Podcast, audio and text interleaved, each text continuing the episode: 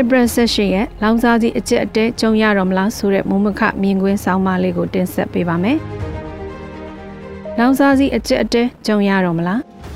ဒီနေ့သတင်းတချို့မှာရန်ကုန်မြို့ကပုဂ္ဂလိကလောင်စာစီအယောင်းဆိုင်တွေမှာဝယ်ခွင့်ပမာဏကန့်သက်တယ်လို့ဆိုရှယ်မီဒီယာမှာကိုယ်တိုင်ကြုံတွေ့ရသူတချို့ရဲ့ post တွေတင်တာတွေ့ခဲ့ရပြီးနောက်သတင်းဌာနတချို့ကသီရိလင်္ကာနိုင်ငံကမတိမငြိမ်ဖြစ်မှုတွေနဲ့ဆက်ဆက်ပြီးမြန်မာနိုင်ငံအရန်လောင်စာစီတိုးလောင်မှုပမာဏပြက်လက်နေပြီး လောင်စာပြက်လက်မှုကြုံရတော့မဲ့သဘောမျိုးရေးတာလည်းတွေ့ရပါတယ်။ဒါပေမဲ့အဲ့ဒီအချက်အလက်တွေဘလောက်ခိုင်လုံမှုရှိမရှိတော့မသိရသေးပါဘူး။ဧပြီ19ရက်နေ့နက်မှာတော့ပုဂ္ဂလိကလောင်စာစီအယောင်းဆိုင်တချို့ကဝေဝင်ပမာဏကန့်သက်တာဓာတ်စီရောင်းချမှုခိတ္တဆိုင်ငံထားတာစတဲ့အခြေအနေတွေကြုံရတယ်လို့ရန်ကုန်မြို့နေသူတွေကဆိုပါတယ်။လောင်စာစီပြက်လက်မှာဆိုရင်ဒါကြောင့်လူလူမဲမဲဝေဖြစ်ထားတာတွေလည်းဖြစ်လာနေပြီးဈေးကွက်မှာကြရဲ့ရိုက်ခတ်မှုတွေပိုမြင့်တက်လာနိုင်ပါတယ်။ မြန်မာနိုင်ငံမှာသုံးဆွဲတဲ့လောင်စာစီရဲ့80ရာခိုင်နှုန်း90ရာခိုင်နှုန်းကပြည်ပကတင်သွင်းရတာဖြစ်လို့ယူကရိန်းစစ်ပွဲဖြစ်ပွားပြီးနောက်မြင့်တက်လာတဲ့လောင်စာစီဈေးနှုန်းရဲ့ရိုက်ခတ်မှုကိုခံနေရချိန်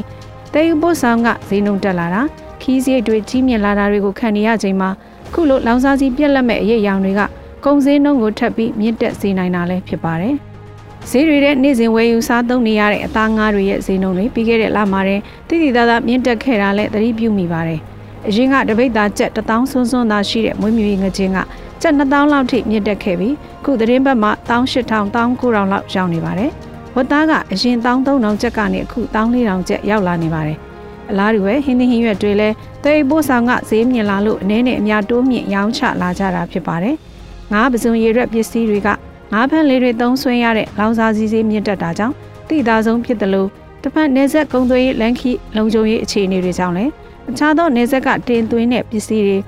ခုသတင်းဘက်တွေမှာဈေးမြင့်တက်လာနေတာသတိပြုမိပါတယ်။ဒီလိုအခြေအနေအောက်မှာလောင်စာစီပြတ်တောက်မဲ့အရေးအယောင်မျိုးထွက်ပေါ်လာတာဟာမီးလောင်ရလေးပင့်အခြေအနေဖြစ်ပါတယ်။တချို့ကတော့သီရိလင်္ကာနိုင်ငံရဲ့လက်တလုံးဂျုံနေရတဲ့နိုင်ငံသားငွေပြက်လက်မှုအကျက်တဲ့နဲ့ဓာတ်ရိုက်နှိုင်းရှင်ပြောဆိုနေကြတာလည်းရှိပါတယ်။ဒါပေမဲ့မြန်မာနိုင်ငံအခြေအနေဟာသီရိလင်္ကာနိုင်ငံလိုနိုင်ငံသားရန်ငွေပြက်လက်တဲ့ပြဿနာဟုတ်မဟုတ်ဆိုတာတော့တိတိကျကျမပြောနိုင်သေးပါဘူး။ ဧပြီလဆန်းမှာဗဟိုဘဏ်ကနိုင်ငံသားငွေဝင်ရောက်မှုကိုနေရင်းချင်းမြန်မာကျပ်ငွေပြောင်းဖို့အမိန့်ထုတ်ခဲ့တာဟာနိုင်ငံသားငွေလက်ပတ်မှုအခက်အခဲကြောင့်လို့ယူဆရပြီးဒီအချက်ကအခုလောင်စာစီပြက်လက်မဲ့လက္ခဏာတွေနဲ့ဓာတ်ရိုက်ဆက်ဆက်နေသလားဆိုတာတော့မပြောနိုင်သေးပါဘူး။သီရီလင်္ကာလိုကြီးမားတဲ့စီးပွားရေးအကျက်တဲကနေနိုင်ငံရေးပေါက်ကွဲမှုလိုအခြေအနေမျိုးကိုတော်လှန်ရေးအတွက်အသုံးချဖို့တွေးမိသူတွေလည်းရှိကောင်းရှိနိုင်ပါတယ်။မြန်မာနိုင်ငံအနေနဲ့သီရီလင်္ကာနဲ့မတူကွဲပြားတဲ့အခြေအနေတွေလည်းအများအပြားရှိပါတယ်။ တရုတ်ထိုင်းနဲ့နယ်စပ်ကုန်သွယ်ရေးရေရွက်နဲ့စိုက်ပျိုးရေးထွက်ကုန်တွေကနိုင်ငံအတွက်ဝင်ငွေရရှိရအရင်းအမြစ်ဖြစ်ပြီးသီရီလင်္ကာနိုင်ငံကတော့ခီးသွွားလုပ်ငန်းက